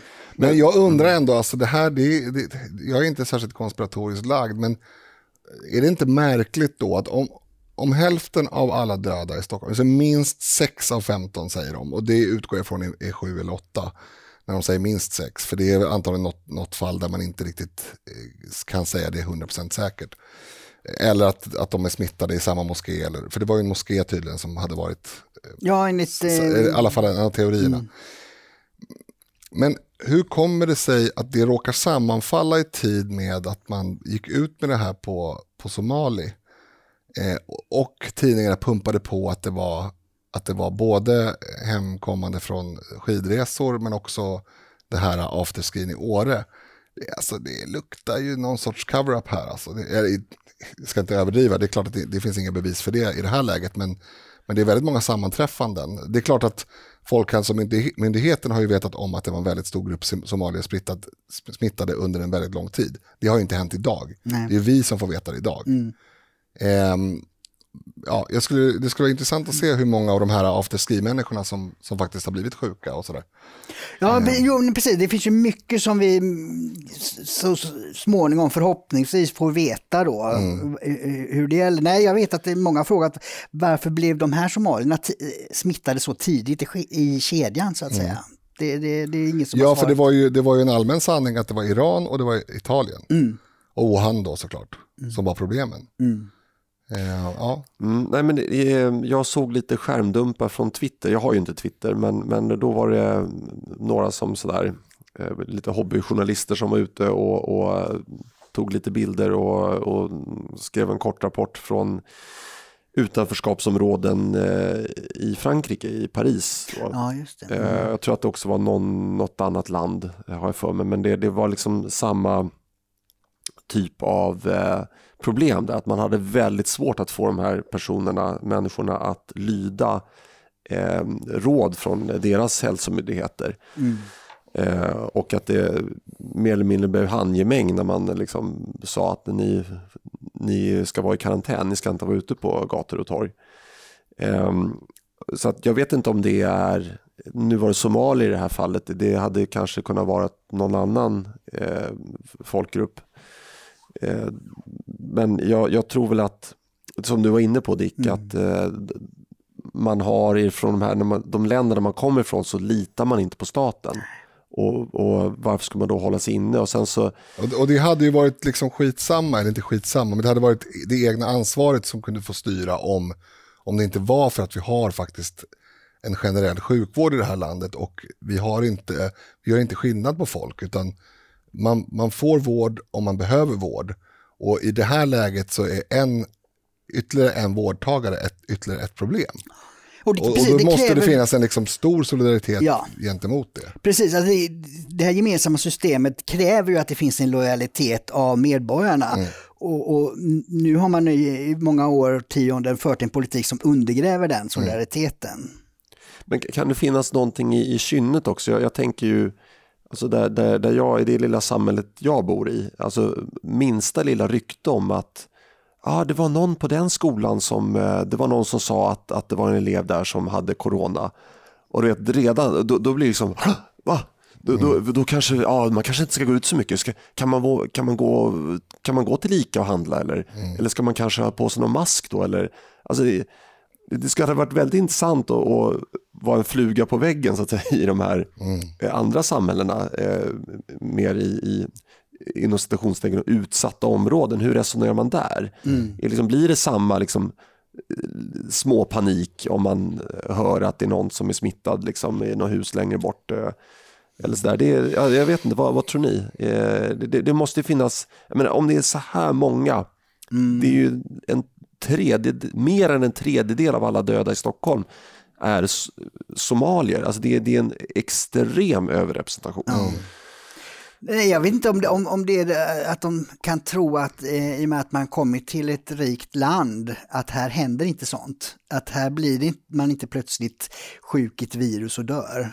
Jag vet inte, att det kan finnas någon sån där övertro på eh, vad det innebär att vara i ett rikt land. Jag läste också att det finns en eh, stark tradition att man ska besöka den sjuke eh, i, i de kulturerna. Just det, i Ebola är ju det ett mm. problem, mm. ja precis. Och det är liksom inte ett, ett, det är inget val utan man ska göra det. Eh, och det är, det är såklart otroligt dåligt för smittspridningen. Sen kan ju vissa kulturer kanske har också en tradition av att mötas upp på kaféer och sådär. Mm. Vi har ju inte det. Mm. Ja, men inte bara kulturer utan bara det faktum att väldigt många lever i arbetslöshet. Mm. Alltså det är klart att man, man har ju antagligen en rutin för sin dag. Man går till något café och spelar domen och dricker kaffe eller vad man nu gör. En del sitter och eh. räknar så här kulor va? Ja, radband. En, en, um, ja. Nej, jag vet inte. Nej, det tror jag inte är en stor smittspritt. Nej, men alltså bara jag tänkte istället för att spela dom. Ja, möjligen om man inte använder bara sitt eget radband. Om man byter radband med folk, då kan det nog vara dumt. Ja, just det. Mm. Um, ja, nej men uh, uh, det om det. Vi får se hur det utvecklar sig. Ja, vi var inne lite grann på det, uh, att man, man lever i olika bubblor rent fysiskt då. Eh, mm. Somalierna lever ju eh, i en viss fysisk del av Stockholm oftast. Mm. Eh, men det finns ju bubblor, eller filterbubblor och polarisering även på nätet. Mm. Linus, du hade någon spaning där. Ja, alltså jag, jag tycker att den, den sekund man skriver någonting, då är man också publicist i någon mening. Och då bör man tänka på vad man skriver. Det här pratade vi om förra gången när vi pratade om döden och sådär man får sätta på sig vuxenbyxan. Eh, det kan vara svårt, men då kan man avstå om man inte kan sätta på sig vuxenbyxan. Och jag har, jag, där är det tudelat. För det första vill jag säga att jag välkomnar allas argument. Jag tror att det, det är enda sättet att vi tillsammans kunna landa i en vettig och genomtänkt strategi. Så att från de värsta alarmisterna till de, de eh, värsta åt andra hållet, absolut, säg vad ni tycker. Men skriv också då varför ni tycker saker. Underbygg saker med fakta. Underbygg, eller undergräv aldrig statistik med enskilda exempel. Alltså det värsta jag vet och det förekommer, det förekommer hela tiden i, i samhället. Och det, det, är bland det dummaste man kan göra. Jag, jag, kan dra en anekdot från för snart 30 år sedan, eller för i alla fall 20 år sedan. När jag jobbade på Ericsson i Kista var det en kille som, han, eh, han hade inte bilbälte. Vi åkte bil någon gång. Jag sätter aldrig på mig bältet. Varför gör du inte det för? Nej, det var tre av mina, eller fyra av mina kompisar som åkte bil och, och en dog, det var min bästa kompis. Och det var för att han hade bälte på sig. De andra de hade, de hade voltat och de andra hade slungats ur bilen. Men bilen hade börjat brinna och han satt fast där. Medvetslös tror jag. Ja, då sa jag till honom att det var ju en jättedum sak att bygga ett beteende på eftersom du vet att statistiskt sett så är det mycket säkrare att ha bilbälte än att inte ha bilbälte. Och samma sak har vi sett i eh, migrationsdebatten. Men Brå säger att eh, den här massmigrationen har lett till extremt ökad brottslighet. Och det ser vi på, på bland annat den här kraftiga överrepresentationen eh, av eh, människor som har valt att resa till Sverige och sedan begå brott. Eh, nej, det stämmer inte för att jag känner en usbek som är jättesnäll. Eh, mm. Hårdraget. Mm. Men, men så har det ju låtit. Ja. Människor som sprider dumma eh, idéer baserat på enskilda fall. Sluta med det. Och det gäller även corona. Eh, problematisera gärna hur det här sprids och vilka åldersgrupper som är mest drabbade och så vidare. Men ett insjuknat barn i USA är inte ett argument för att barn i statist statistisk mening är mindre drabbade. Det är inte ett argument mot det. För statistiken innefattar även det barnet om, den, om statistiken gäller USA. Det är bara det att det är så väldigt få. Så att det syns inte i statistiken eller det blir väldigt eh, svagt i statistiken. Det är därför man har statistik. In, eh, enskilda fall kan aldrig trumfa statistik. Och statistik det, är ju ett, är, ett mått på, då, i det här fallet, risk så att säga. Att ja. Det är en väldigt liten risk, men det kan hända. Det kan hända, men det kan hända att jag, när jag ska gå och sätta mig i min bil efter att vi har poddat klart här, blir överkörd av en buss det, det, då är alla, all, allt mitt handtvättande helt i onödan. För då är jag redan död. Mm. Ja, du kan ju potentiellt sett ha räddat någon annan genom att inte bära på smitta. Sant, men jag kanske inte blir så glad över Just det. ditt, ditt handspritande idag kanske. Kan rädda livet på någon imorgon. Ja. Nej, men, men, men jag ska inte hårdra det för mycket. Det är svårhanterliga frågor, men jag, jag, jag avföljer folk på Facebook eh, dagligen för att de börjar skriva om hur, hur kan ni säga att det mest är riskgrupper som dör när jag hittade en artikel från Mexiko här, där. Men det är inte ett argument. Sluta. Du sprider bara en massa mumbo jumbo som gör människor oroliga. Men Tänk jag tror, efter. Jag tror det är att vi är i det här panikskedet Ja. och det får människor att spåra ur ännu mer. Ja, men jag- vill säga också som, som en eloge till människor som är mer inom citationstecken panikslagna än jag, som jag har sett på nätet, eh, men som håller sig till sak, som respekterar allas åsikter och argumenterar för sin sak med fakta och statistik. Det har jag all respekt för. Alltså det välkomnar jag till och med. Men det här att, och det är precis återigen en väldigt nära parallell till det här eh, dödsångesten som vi pratade om eh, förra fredagsavsnittet. Att man, man måste liksom ta lite ansvar. Ja, alltså ehm, en som har argumenterat väldigt flitigt för det här med att eh, isolera sig, det är ju Hanif Bali. Eh, och han skrev något inlägg, eh, tror jag idag eller möjligen igår, ehm, att ja, nu börjar massa, det höjas massa röster för att man ska isolera enbart riskgrupperna. Och jag har även, även jag har varit inne på den linjen. Men jag kan undra, skulle jag varit tyst? Skulle jag inte ventilerat det här? Ja, det är inte slutsatsen. Jag hade inte några större underbyggda liksom, vetenskapliga artiklar om det här. Utan det var ju en fundering som jag och många andra har ventilerat. Och då kommer den ut i etern och sen så är det då andra som har starka åsikter åt andra hållet som kommer ut med, med sina motargument. Så att jag, jag kan tycka att det beror på hur man går ut med det här. Absolut, man- ja, absolut. det är det jag menar. Mm. Alltså, man jag ska menar att det ska ventilera vara en... funderingar, eh, men man ska inte gå ut så hårt och säga att det här är fakta. Liksom, Nej, och framförallt så ska man Mm. inte, oavsett vilken position man har intagit, eller den kan ju ändras från dag till dag, för mig gör den det till exempel, så, så, så kan man inte gå ut och, och bara säga den så här, jag tycker att eh, kolon någonting och sen inga, inga resonemang eller varför det skulle vara bra eller varför det skulle vara dåligt eller varför, ingenting sånt. Och det här är ju en ganska liten grupp, men jag tror att att, och, det, och det bygger ju på en frustration, men ring då en kompis och säg det här istället för Ja, att och skriva det. Men, Så, men det beror ju på lite, vilken typ av auktoritet man har. Jag har såklart, ju, såklart. Ja. Men det finns, man kan säga så här att du och jag, när vi tittar på våra Facebookflöden, vi kanske sorterar folk i auktoritet och inte. Men det finns alltid någon som lyssnar på den som skriver. ja, men... Och är eh, de flera så blir det ju ett... Jag menar, alltså, hela konceptet Mm. med att hålla huvudet kallt i kris, det gäller alla kriser. Hela det konceptet bygger på att, att tänka till. Men alltså, det är det som jag brukar säga, problemet är ju inte Jesus, problemet är ju de som lyssnade på honom.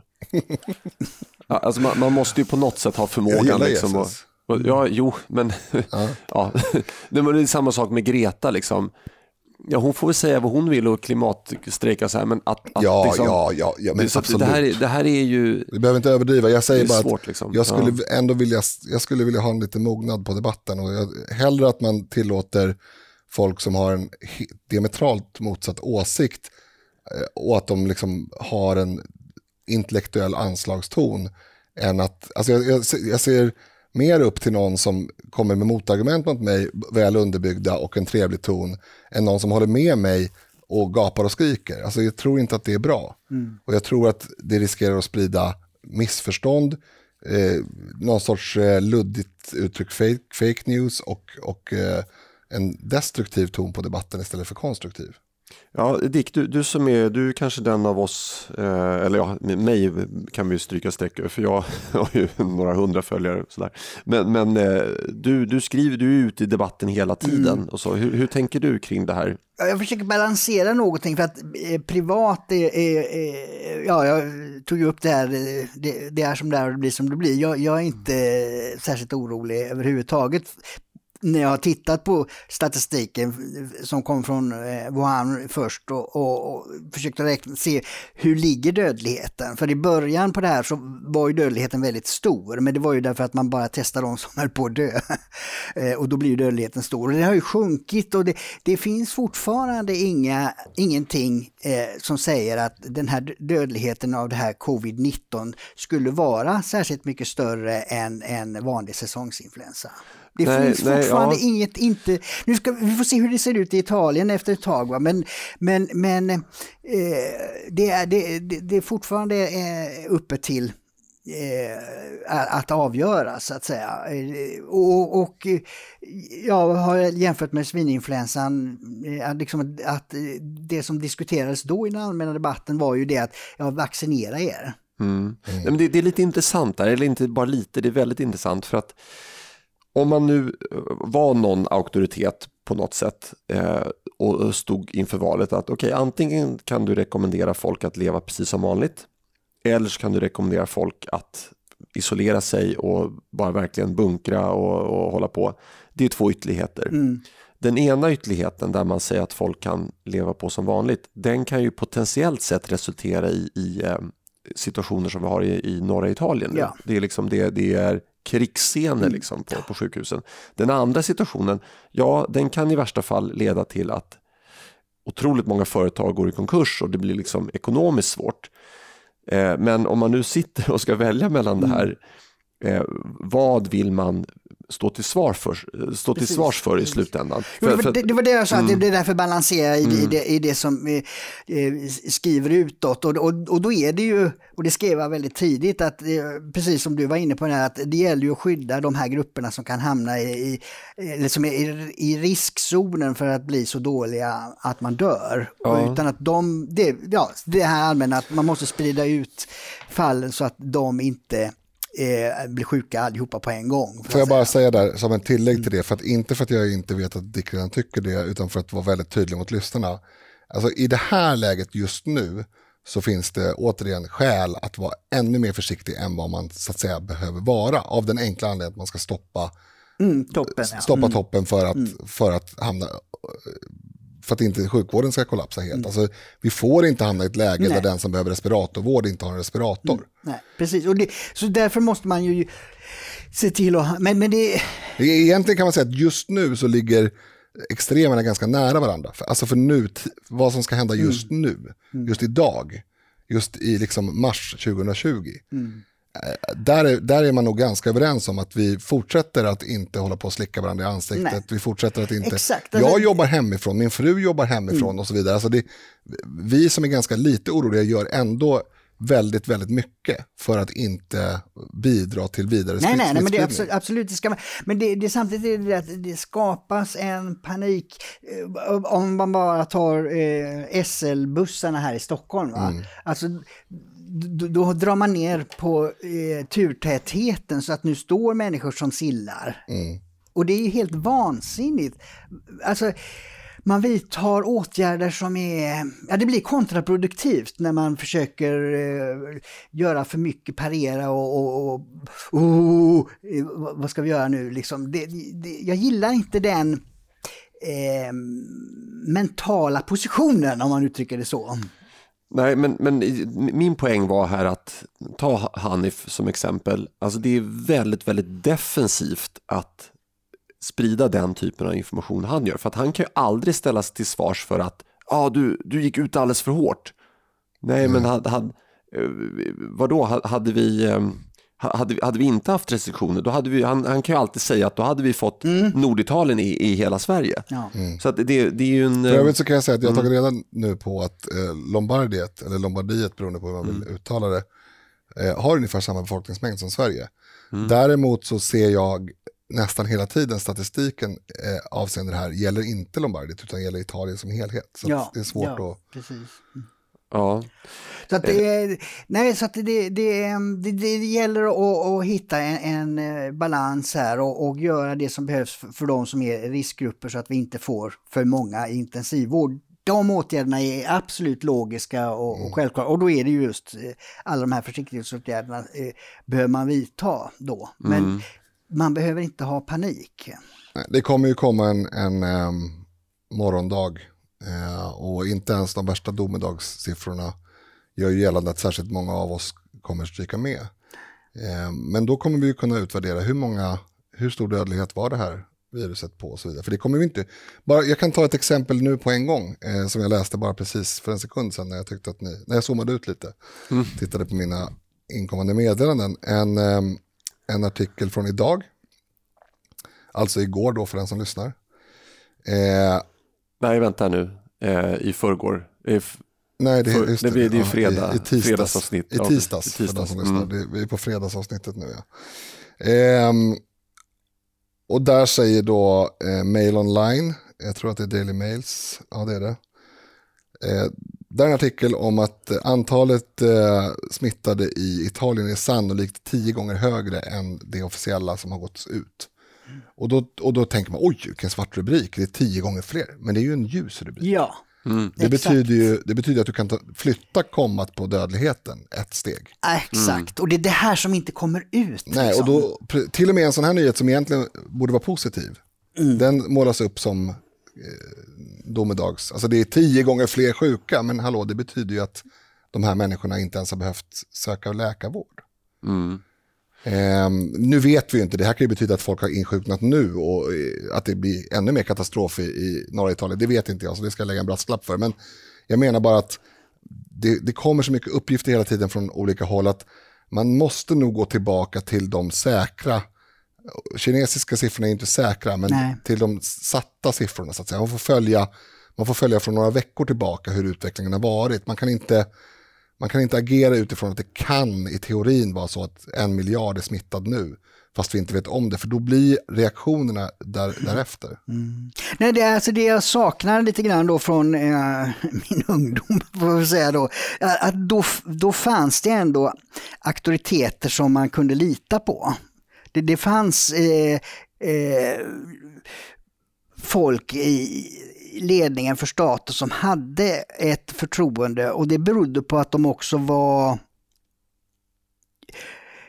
Alltså de var mera eh, insatta, mer, hade större, bättre perspektiv än jag upplever att dagens beslutsfattare har. Mm.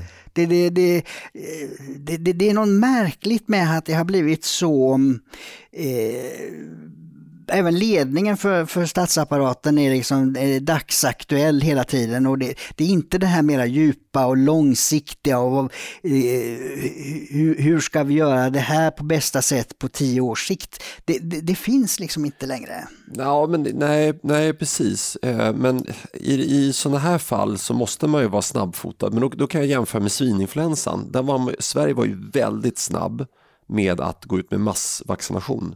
Och det har ju lett nu till ett antal tiotals fall av eh, vad heter det? narkolepsi. narkolepsi mm. tack. Mm.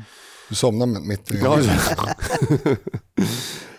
um, nu, men, nu är väl det lite skakigt också. Det, det, ja. det, är väl vissa som ifrågasätter om det, om mm. det är mm. så.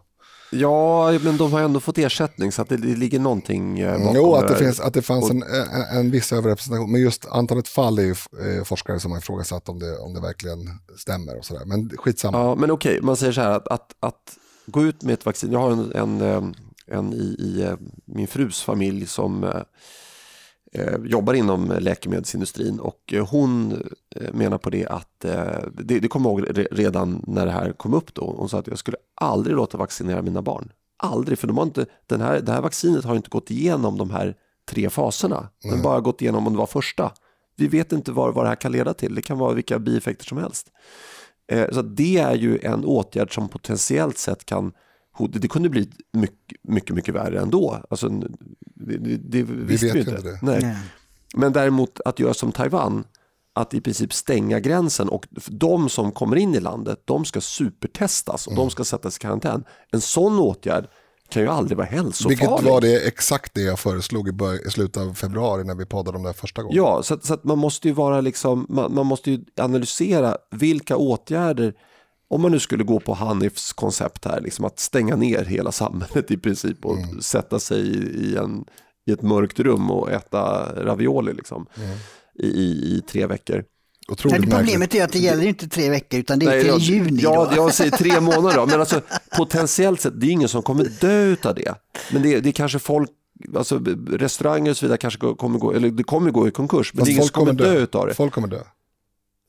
Ja, jo, vi pratade om det förra programmet, absolut. Men, men Jo, men jag måste säga det, eh, jag har sett en massa statistik på hur mycket är det värt att lägga ner på att rädda riskgrupperna. Alltså hur, hur långt kan vi gå för att eh, vara helt säkra på att, att riskgrupperna inte drabbas av det här. Alltså rent ekonomiskt. Eh, men i flera sådana sammanräkningar så, så har jag saknat kostnaden på andra ändan i människoliv. Därför att om man bara räknar pengar på ena sidan och pengar och människoliv på andra sidan, då fattas det ju en faktor. Det är en X-faktor.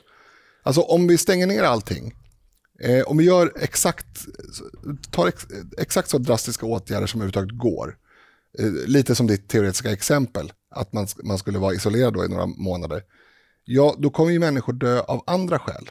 Då kommer människor dö av att de får, eh, bara, bara en sån sak som du pratade om förra gången, att, att människor får det sämre ställt. Alltså det, det finns ju en direkt koppling mellan, mellan levnadsstandard och livslängd. ja, alltså de kan ju enligt eh, Stefan Löfven så kan de ju helt plötsligt bli kriminella också. Till exempel. Eh, vi och kommer att få men- men- men- radikalt men alltså många bara- fler som, som urinerar i, i andras munnar Ja, det vid, gäller ju- vid överfallsrån till exempel. Exakt. Ja. Nej, men om vi inte raljerar då. Det, det, det, det är så. Ju sämre levnadsstandard man har, desto kortare livs, livslängd på gruppnivå. Eh, och då, då kan man ju säga att ett antal människor dör i förtid. Eh, om, om li- medellivslängden i, i samhällets eh, lägsta liksom, inkomstskikter skikt blir, blir lägre, då dör ju folk. Det är ju det, är ju, det, det, är det det handlar om. Och det är Sverige. Sen tittar jag på globa, global nivå. Du, du var inne på, Erik, att finanskrisen i USA eh, triggade den arabiska våren som i sin tur triggade en massa oroligheter. Det är klart att det kommer bli oroligheter när människor får gå ifrån hus och hem och inte eh, har sina företag kvar, inte har sina näringsverksamheter kvar, oavsett om det är Sverige eller om det är Syrien eller om det är någon annanstans. Det kommer bli oroligheter, människor kommer dö och det är inte alls människor i riskgrupp som kommer dö, utan människor, barn kommer dö och så vidare. och så vidare. Så att man måste, oavsett vad man landar i så måste man ta det med sig i, i beräkningen. Man kan inte bara räkna ekonomi och människoliv på ena sidan och bara ekonomi på andra sidan. För det hänger ihop. Mm. Ja, eh, det var ett eh, nattsvart scenario som målades upp där potentiellt. Därför ska vi nu under den allra sista delen av det här avsnittet gå igenom lite ljuspunkter. Jag börjar med att det, det har blivit mindre luftföroreningar i de här industriområdena som i Kina och eh, norra Italien eh, och det är ju bra Och vattenföroreningar och vattenföroreningar. Nu simmar det delfiner i Venedigs kanaler. För att eh, tidigare var de så grumliga som såg inte att simma i dem. Och nu Ja, han hällde folk ut skit i de där. Ja, det är väl mer att om, om man kör runt med båtar så virvlar man väl upp liksom, eh, sediment och sådär. Eh, så att eh, det, det är ju eh, det är ju positivt. Och det, det, blir, det har ju varit en lägre konsumtion av eh, petroleumprodukter och det är ju också bra såklart. För de som inte har aktier i Lundin Oil. Ja, Precis, precis. Eh. Nej, för mig så tycker jag det, det, det, jag hoppas att det positiva blir att man får en, en större tyngd på beredskap och, och, och, och det vi har pratat om tidigare, att, att vi får en, en annan mentalitet eh, över hela den politiska skalan, att man fattar att vi, vi måste förbereda oss för, för eh, oförutsedda, oförutsedda händelser. mm. Ja, alltså jag har ju massa saker som är ljuspunkter. En sån, kanske delvis kopplat till det Dick sa med, med eh, samhällets liksom, beredskap inför kommande dåligheter. Det är ju att vi har ju ganska många människor i det här landet som går omkring och fakt- faktiskt tror att de är enskilda individer i något eh, fritt universum. Som kanske får sig en, en eh, tankeställare om att vi är faktiskt ett och samma folk och vi lever inom ett, en och samma stat och vi har skäl att, att tänka på det. Vi har skäl att... Eh, alltså bara, bara liksom den gruppen som på allvar går omkring och tror att influencer är ett jobb. Eh, att, att få i framtiden. Det är liksom, kan vara ett uppvaknande och förstå att det, det kan komma, komma situationer där det inte är så jäkla mycket värt. Eh, ja, det kanske var en överdrift, men ni förstår vad jag menar. Att det, det kanske blir en nödvändig och eh, bra mognad hos, hos vissa. Att förstå att man tillhör ett kollektiv som behöver hjälpas åt när det faktiskt eh, går åt skogen. Men sen så, alltså ljuspunkter, då tänker jag också så här konkreta saker som vi faktiskt vet. Vi vet att det här kommer gå över. This too shall pass. Så är det bara. Vi kommer sitta här eh, och förhoppningsvis podda eh, om något helt annat. Eh, utan att vakna på morgonen och första vi tänker är att vi lever i en, i en pandemitid. Det, det kommer att gå över och väldigt få av oss kommer att stryka med. Mm. Det, det, tror jag är en jäkligt viktig tröst ja. att förstå det. Att det. Det kommer komma en, om inte den här våren så kommer det komma en annan vår. Eh, när, när vi kan andas eh, utan ångest eh, och så vidare. Eh, så, och, och, som sagt, jag, jag känner för alla som har eh, anhöriga som är i en riskgrupp och är, framförallt de som är sjuka naturligtvis. Jag sa i förra programmet att jag inte hade någon anhörig som, som jag var orolig för men jag får verkligen revidera den utsagan därför att jag eh, fick häromdagen information från min kusin som har överlevt två eh, gånger leukemi, vilket är extremt ovanligt att ens få två gånger. Men det har hon fått och, ehm, och massa följd såklart komplikationer på det. Och jag fick rapport om att hon låg inne på akutvård med väldigt hög feber och ont i mm. huvudet och en massa saker och jag blev ju otroligt rädd. Eh, för första gången sedan den här krisen började faktiskt så blev jag väldigt orolig för en enskild person.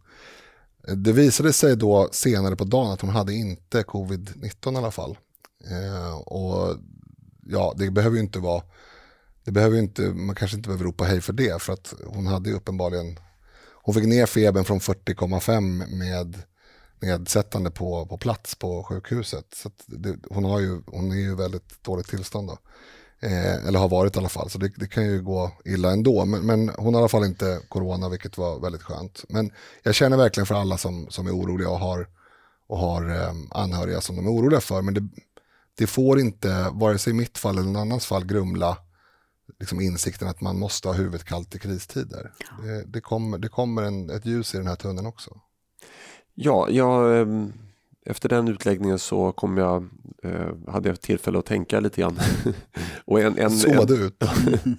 en, eh, en bra grej är ju det att man har satt fingret på de här djur och livsmedelsmarknaderna. Ja i Kina där man alltså blandar levande djur, vilda djur från eh, alla möjliga olika eh, håll och kanter.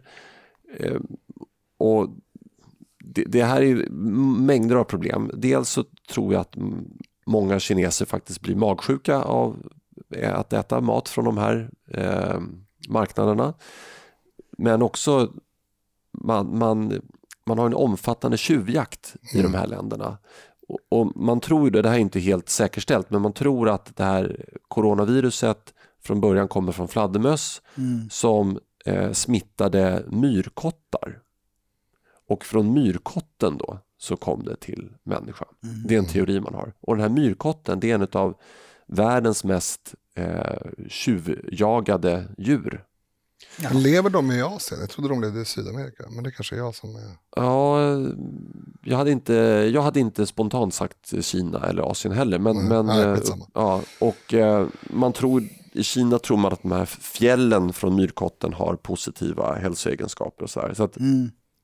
Eh, ja, då är det alltså en jakt för vidskeplighet snarare mm. än för mat. Ja, man, man äter köttet också, okay. men, men jag tror att om man tog bort det här köttet från marknaden, jag tror inte kineserna skulle svälta ihjäl. Jag tror Nej. att de hittar annat att äta då. Och, eh, jag tycker oavsett om det här är sant eller falskt eller så, eller, så, så har ju ändå coronasmittan satt fingret på de här marknaderna. Mm. Och jag tycker att västvärlden skulle rida på den här vågen och verkligen stötta eh, Kina och andra stater i sin kamp mot eh, tjuv, eh, tjuvjägare. Mm.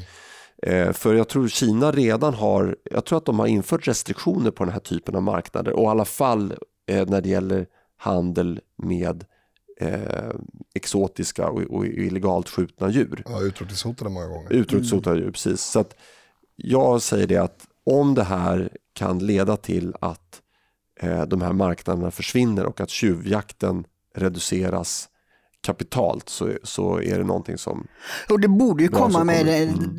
den ekonomiska utvecklingen. Nu blir det ju tapp i, tillväxten naturligtvis, men de har ju haft en väldigt snabb ekonomisk utveckling i Kina och, och, och då borde den här fascinationen vid, vid, vid djur och sånt, det, det borde ju försvinna tycker man, det här primitiva beteendet. Mm. Men, det, men det finns ju där och, och det positiva, och det har jag nämnt tidigare, det är ju att eh, med eh, DNA-tekniken har vi ju ändå kunnat få en del information om det här viruset som är helt nytt ju. Och det hade vi inte haft utan DNA-teknik. Då hade vi stått där och inte kunnat testa och inte kunnat veta. Nu har vi det och eh, i framtiden så kan man förhoppningsvis förbereda, preparera vacciner så att man skulle kunna anpassa dem till kommande vir virusar med tanke på den här globaliseringen som gör att det sprider sig så mycket fo- så fort runt om i världen, allt möjligt. Och därmed så skulle, skulle inte det här behöva uppstå igen. Nej, precis. Men andra saker vi har framöver oss då, det är först, först har vi någon sorts kulmen. Det vet vi inte när den kommer. Fast Nu, nu, nu skulle vi prata positiva. Ja, ja men det är en positiv Ja. sak.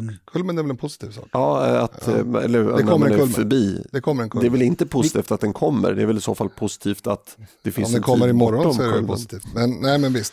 Eh, men andra positiva saker är ju ja, såklart vaccin, eh, som Nick var inne på. Men också de här testerna, både för Både, alltså det skulle ju vara en riktigt stor så kallad game changer om det kom ett snabbtest för att vem som är sjuk och vem som inte är sjuk. Men också vem som har antikroppar och vem som inte har antikroppar, som vi pratade om tidigare. Det är ju väldigt, det är ju stora ljuspunkter, så vi, vi bara kan hålla tummarna för att de kommer snart. Ja, Nej, men eh, en annan sak som jag kan tycka är bra också det är om man nu börjar fundera på att plocka hem produktion eh, från Mm. eh, andra länder. Alltså man har ju sett hur den här just in time-tänket, hur Exakt. otroligt känslig produktionen i Sverige är av att man stänger fabriker i Kina och Italien och så vidare. Mm. Eh, och även om man nu skulle vilja utöva påtryckningar på exempelvis, eh, exempelvis Kina eh, gällande djurmarknad eller vad, vad det nu må vara som är dåligt ur andra perspektiv än bara smittspridningsperspektiv eh, så då är det ju en fördel om man faktiskt kan börja producera iPhone-telefoner i Sverige Mm. till exempel. Eh, som, som ett, ett eh, konkret exempel. Så att, och, ja, jag, jag, jag tror att en, en liten återgång, att man plockar hem industriproduktion till Sverige och andra västländer inte vore så dumt faktiskt. Precis, och så, och så brukar det ju vara så i kriser att här kan ju nya idéer födas, födas till nya industrier, nya eh, närings, eh, näringslivsföretag och sånt. Ja. Ja. ja, hade vi något mer positivt eller ska vi eh, känna oss men jag skulle färdiga? vilja uppmana alla, även mig själv, att ta del av, av liksom, alltså försöka liksom, se, för, för nyhetsflödet blir ju, det var vi inne på, lätt polariserat beroende på vad man har för vänner och vad man har för bekantskapskrets och vad man väljer att konsumera för nyheter.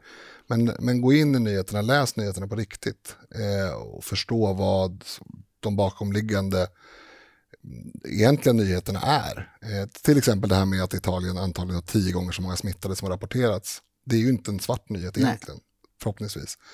Eh, men blanda upp, försök att bilda, och det gäller ju alltid, det är inte bara nu, Eh, men det gäller alltid mer i kris, att man försöker bilda sig en, en eh, bred uppfattning om vad som pågår. Och framförallt, fortsätt lyssna på samtidigt.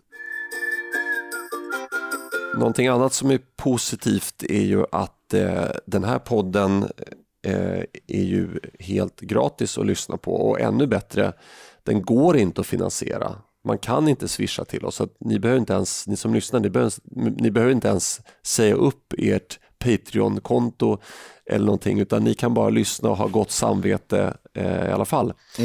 Eh, men i gengäld så vill vi gärna att ni eh, gör lite reklam för den här podden till eh, vänner och bekanta och eh, även mejlar till oss med synpunkter på... Kanske folk är dödströtta på det här jäkla coronasnacket, eller så vill de höra mer. Ja, precis. Samtidigt att samtiden.nu. Och sen, eh, varför inte köpa ett eh, headset till telefonen och eh, ta en vårpromenad? ja, det får vi inte glömma. Alltså, vi är ju inne i, åtminstone enligt mitt tycke, den absolut bästa årstiden som vi har i det här landet. Och det går faktiskt att gå ut och njuta, trots att människor ligger på sjukhus. Om ni inte själva gör det i alla fall. Eh, så njut av våren och, och, solen och livet som kommer tillbaka till, till vår arvejord. Just. Mm. Och med de visdomsorden så önskar vi er alla trevlig helg. Mm. Trevlig helg! Ha det gott!